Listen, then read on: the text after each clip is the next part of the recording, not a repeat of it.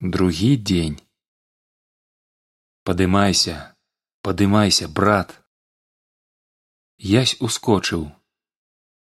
Не бойся не праспалі. Трывожны неглыбокі сон знік і ясь убачыў што ў пакой зайшоў стэфан. Нам трэба ісці. Ясь страсянуў галавою каб пазбавіцца санлівасці і ўстаў. Наверсе ўжо раніца. Хутка будзе вось што мне ўдалося тут знайсці шосты захоўнік працягнуў яму адзенне. Спадзяюся табе якраз. Будзеш ісці ў гэтым ніхто на цябе не зверне ўвагі ясь узяў вопратку і паглядзеў на яе. Карычневыя кашуля і штаны такога ж колеру чаравікі падобныя да макасінаў кофта. Стэфан выйшаў і прынёс скураны мех падобны да заплечніка. Яго можна было павесіць за спіну. Што тут запытаўся хлопец. Запасное адзенне дарога ў цябе не блізкая. Вось яшчэ хлеб і сыр. Вады мы набярэм у горадзе. Такую ж самую торбу стэфан накінуў на плячо і сабе. Возьми яшчэ гэта. Захоўнік працягнуў ясю дзве пустыя біклажкі чакаю цябе каля лесвіцы. Ясь хутка пераапрануўся кінуў позірк на сваё прывычнае адзенне якое зараз адзінока ляжала на драўляным крэсле і выйшаў з пакоя. Стэфан ужо чакаў. Ён быў апярэзаны пасам на якім злева вісеў меч а справа доўгі кінжал. Захоўнік пайшоў першым язь пакрочыў за ім. Так моўчкі яны спусціліся адчынілі браму і выйшлі з вежы ў возера святла стэфан упэўнена пакрочыў у бок адваротны таму з якога дабіраўся сюды язь хлопец яшчэ раз падняўшы галаву зірнуў угару імкнучыся ўбачыць самы верх вежы. Потым дастаў з заплечніка адну біклажку схіліўся і пачаў набіраць туды азёрную ваду. Яе нельга піць азірнуўся стэфан. Я ведаю але ж гэта такі цуд ясю хацелася набраць гэтай дзівоснай вады хоць ён і ведаў што гэта не зусім разумна займаць адну з дзвюх вольных біклажак напоўніўшы яе ён уставіў тугі корак і пайшоў праз возера спрабуючы не адставаць ад шостага захоўніка. Неўзабаве яны наблізіліся да берага і стэфан дастаў паходню якая была прымацаваная ў яго за спінай ды зачарпнуў вады ў жалезную місачку на верша язь заўважыў што са сцяны пячоры цячэ ручай звычайнай вады. Там адкуль ён выцякаў было нешта падобнае на ход. Вось і шлях у горад сказаў стэфан і дадаў. Вада таксама не пітная ход быў прасторным і па ім можна было ісці вольна.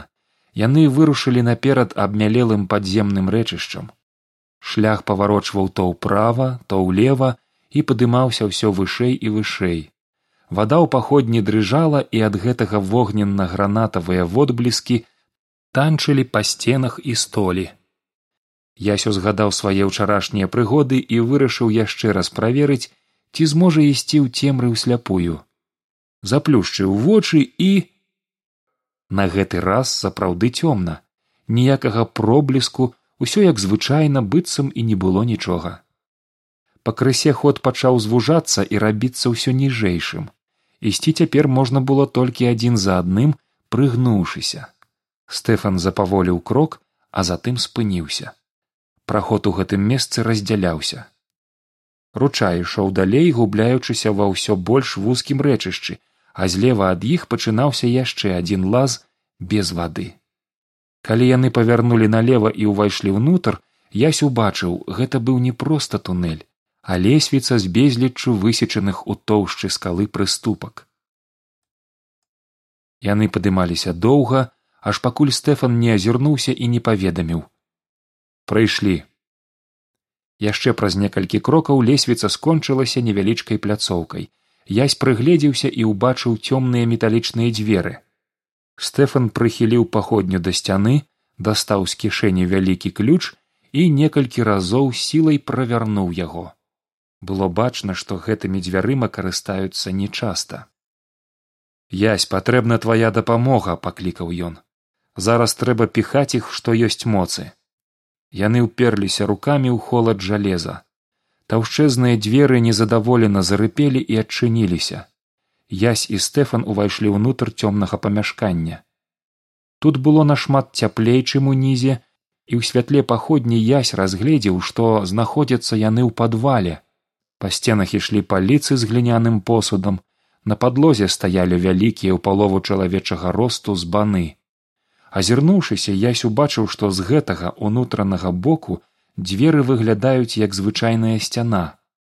Зноў у чатыры рукі яны павольна прычынілі іх і цяпер месца дзе быў уваход у тунэль ужо нічым не выдавала сябе. Стэфан павёў яся па невысокай лесвіцы наверх і яны падняліся адчыніўшы над сабой драўлянае вечка. У перадсвітанкавым прыцемку ясь убачыў што апынуўся ў доме падобным да тых у якіх ён быў учора. А цяпер трэба быць асцярожнымі сказаў стэфан. Чый гэта дом запытаў язь азіраючы бязлюдны пакой. Тамаша мой бацька з ім сябраваў і я часта бываў у яго тут у чырвонай рудзе яшчэ з дзяцінства. Чаму гэты горад так называецца запытаўся язь думаю ты бачыў якога колеру тут зямля адказаў стэфан. Падышоў да акна і пільна ўгледзеўся ў вуліцу. Здаецца нікога. Зараз набярэм вады яны выйшлі вонкі. Неба на ўсходзе пачало святлець. Было ціха у двары дома з зямлі выцякала невялічкая крыніца якая ручайком бегла далей у старанна выкладзеным каменьчыкамі латачку.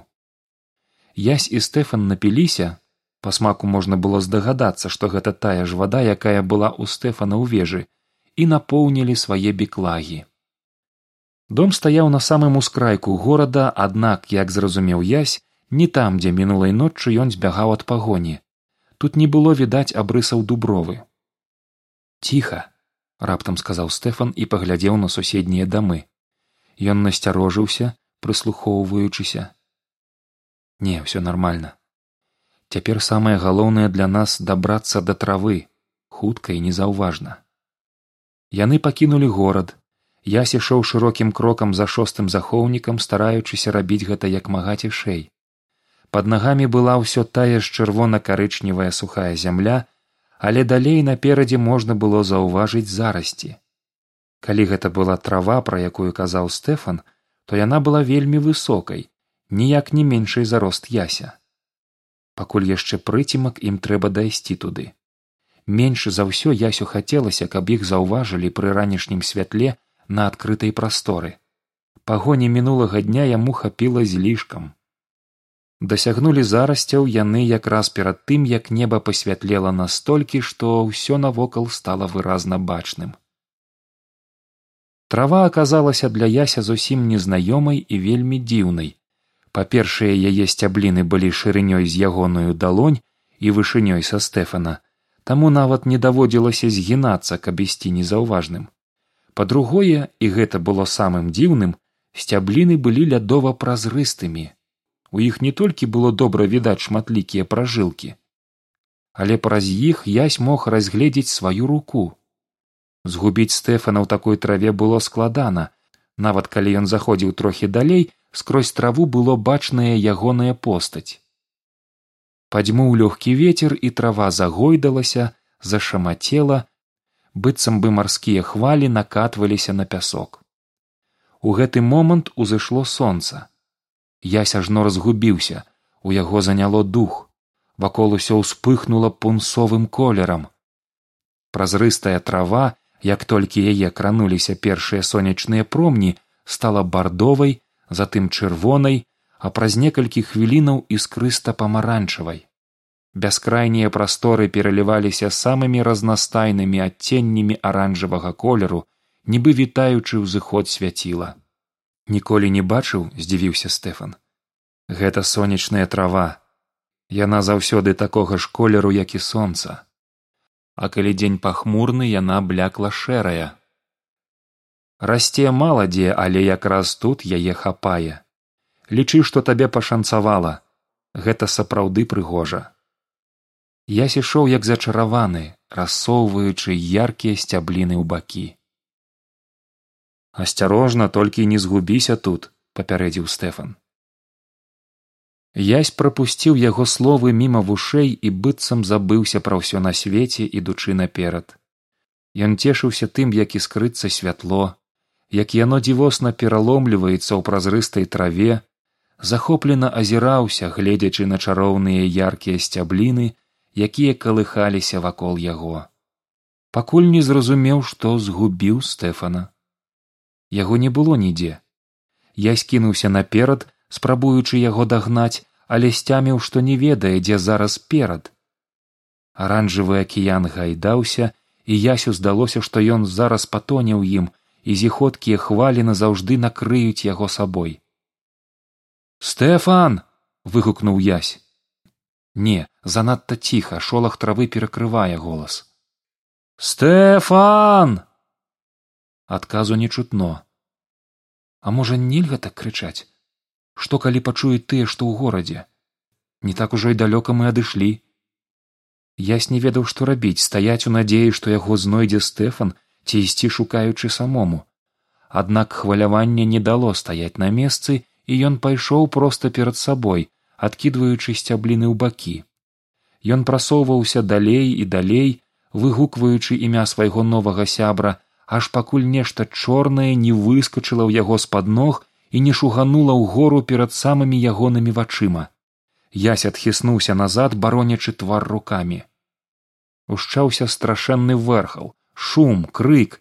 Наваколле выбухнула такім голасам што здавалася магло падняць і мёртвага ў дзесяці кіламетрах навокал.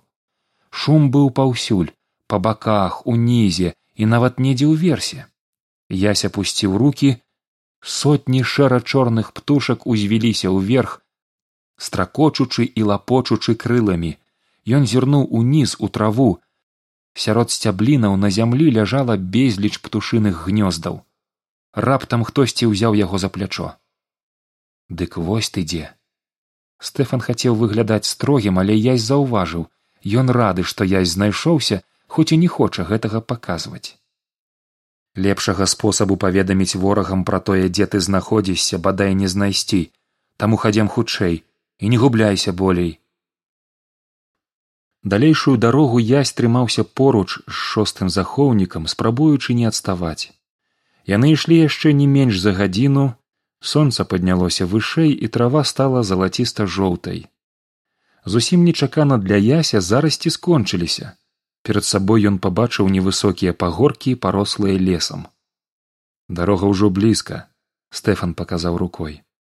Там будзе старажытны шлях які ідзе ад вялікага ўзбярэжнага горада шэрая скала да самага вертагарда. Ясь яшчэ раз зазірнуўся на дзівосную траву і пайшоў за стэфанам у бок тракту. Мясцовасць тут змянілася. Раўніна пераходзіла ў пагоркі і падарожныя зайшлі ў негусты светлы лес. Гэта быў лісцвянік дрэвы падобныя на тыя да якіх язь прывык у сябе дома. Тут яны зрабілі прывал. Под адным з пагоркаў знайшлі вялікае цяністае дрэва і селі на мох. Дасталі круглы хлеб ды сыр сваіх заплечнікаў і пасля таго як моўчкі паснедалі язь запытаў колькі адсюль ісці да сталіцы? Табе? Каля пяці дзён шлях нескладаны па дарозе не будзе ні гор ні балотаў галоўнае не заходзь у пустыя гарады. Гэта небяспечныя месцы. Пустыя гарады? Так. На жаль зараз такіх хапае. Гадоў дзесяць таму гэта пачалося. Людзі сталі пакідаць паселішчы дзе калодзежы высахлі ці вада цалкам сапсавалася. Цяпер гэтыя гарады стаяць зусім закінутыя. Ці амаль зусім часам там знаходзяць прыстанішча разбойнікі альбо тыя каму трэба схавацца стэфан дастаў з заплечніка шырокі шэры пояс Вада зараз каштуе вельмі дорага. Вось табе грошы на піццё, на шлег і ежу. Ясеў спадарожнік разгарнуў тканіну і на сонцы заблішчэлі залатым святлом манеты. Поясам трэба абматацца пад адзеннем, так будзе спакайней. Вялікі дзякуй. А гэта хто? запытаўся язь, паказваючы на профіль, што ззяў на грашах. Ага, вось дарэчы і вормар пазнаёмся скрывіўся стэфан ткнуўшы пальцам у залатое аблічча і зноў глянуў на яся запомні старайся не звяртаць на сябе лішняй увагі начуй у заездных дамах грошай хопіць не купляй мутнай або цёмнай вады яна хоць і нашмат таннейшая але я не перакананы што ты дойдзеш да вертагарда калі будзеш яе піць. Зразумела. І вось яшчэ што. З гэтым абыходзіцца ўмееш? Стэфан адчапіўшы ад пояса працягнуў ясю похву з кінжалам. Ясь выцягнуў кінжал узважыў на руцэ. Добрая зброя. Дома я займаўся фехтаваннем. Там праўда была шпага ну будзем спадзявацца што ён табе не спатрэбіцца толькі трымаць трэба ў правай руцэ.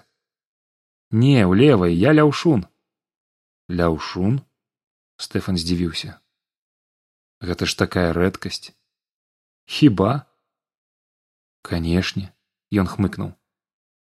Але добра размова ж не пра гэта так ці інакш са зброяй табе будзе спакайней. Вялікі дзякуй за дапамогу сказаў язь пачакай было яшчэ нешта. Ага узгадаў. Трэба ж памяняць табе імя. Стэфан на хвілю задумаўся. Як табе такое? Купец за нізін з за нізін. Пойдзе? Ці давай так? Стэфан стаў падняўшы твар угору і падпёршы пальцамі падбароддзе. Зараз пачакай. Вось такое. Рыцар лабалот з замку ля балот язь задумаўся паміж першым і другім выбраць было складана. Ён глядзеў на стэфана і ўрэшце адказаў. Не рыцар лабалот. Гэта ж язык можна зламаць. Я прапаную проста. Вялікі падарожнік прыплыў сту ману яны абодва рассмяяліся. Добра сказаў стэфан. Ты мяне раскусіў. Ну што ж здаецца я распавёў табе ўсё асноўнае пра дарогу але ўсё таки стэфан скажы чаму хочуць злавіць цябе? Чаму спрабавалі схапіць мяне і хто такі гэты вормар? А ці табе гэта трэба? Менш будзеш ведаць менш будзеш хвалявацца. Для цябе галоўнае знайсці гераніма. Мне гэта трэба. Калі ўжо гэтыя людзі палявалі на мяне то было б някепска ведаць хто яны і чаго хочуць. Стэфан помаўчаў давай зробім так. Ён зноў адчыніў заплечнік і апусціў руку ўнутр. Я дам табе пачытаць тое сёе не з сабой канешне калі б у цябе гэта знайшлі ворагі то лепшае на што можна было б спадзявацца правесці рэшту жыцця ў халоднай камеры. Прачытай тут няшмат. Ён дастаў сваёй торбы штосьці загорнутае ў тканіну. Не думаю аднак што гэта будзе надта вясёлая гісторыя. Ды і супакою ў дарозе гэта табе не дадасць язь працягнуў руку і ўзяў патрапаную брашурку якую відавочна чыталі не адзін раз яна была кішэннага фармату і зусім тонкая на некалькі аркушыкаў. На першай старонцы ў версе было напісана веснікі ферыі нумар тры праўда аб тым як вормар запанаваў у эферыі. Язь прыхіліўся спінай да камля дрэва і пачаў чытаць. Дазволь нагадаць табе адважны чалавек аб тым што было ў дні тваёй маладосці. Альбо калі ты яшчэ юнак то расказаць аб тым што было да цябе як быў падступна скінуты ўладар арыстарх і як узвысіўся і завалодаў зямлёю падманшчык вормар. Уладар арыстарх быў абраны ўсім народам у час калі памёр тадэй уладар папярэдні. Абранне ж арыстарха ўладаром было такім. У першы дзень другога месяца па смерці ўладара тадэя увесь народ эферыі сабраўся ў сталіцу для таго каб абраць сабе новага кіраўніка амаль усе жыхары краіны хацелі бачыць новым уладаром краіны арыстарха сумленнага і сціплага чалавека што заслужыў шанаванне справамі якія здзяйсняў на карысць людзей эферыі у гэты дзень на галоўнай плошчы вертагарда і вакольных вуліцах весела гралі музыкі а людзі спявалі песні пра эферыю і веліч мінулых часоў. Перад замкам стаялі вялізныя шалі выбару на якіх паводле старога звычаю вызначалася ці стане гэты чалавек наступным уладаром. Кожны дарослы жыхар эферыі хто быў за гэтага чалавека клаў свой знак круглы медны жытон з выявай шаляў у вялізную правую чашу вагаў а хто быў супраць у левую. Калі правая чаша пераважвала левую гэта азначала што вылучаны людзьмі чалавек станавіўся ўладаром калі не то народ шукаў іншага больш дастойнага.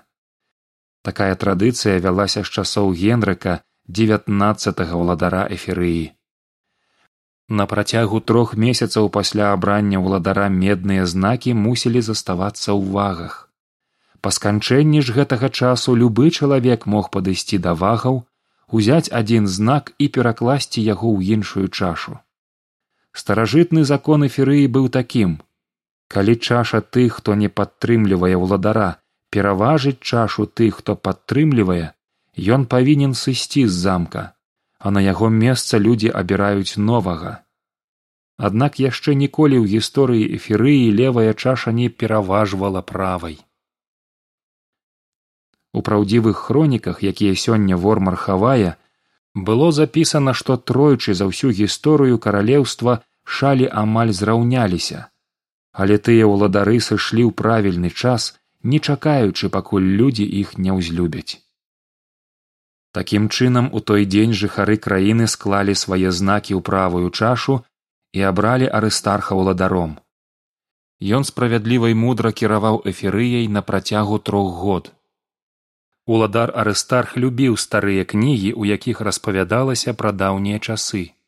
На другім годзе свайго валадарання ён натрапіў на старажытную хроніку дзе быў запіс пра знойдзеную магнусам першым эферыйскім уладаром крыніцу жывой вады. Напісана было што знайшоў яе магнус у адной са сваіх вандровак. Вада з гэтай крыніцы была надзвычай чыстай і смачнай. А самае галоўнае выпіўшы яе людзі вылечваліся ад хваробаў нават такіх у якіх не маглі дапамагчы ўжо ніякія лекары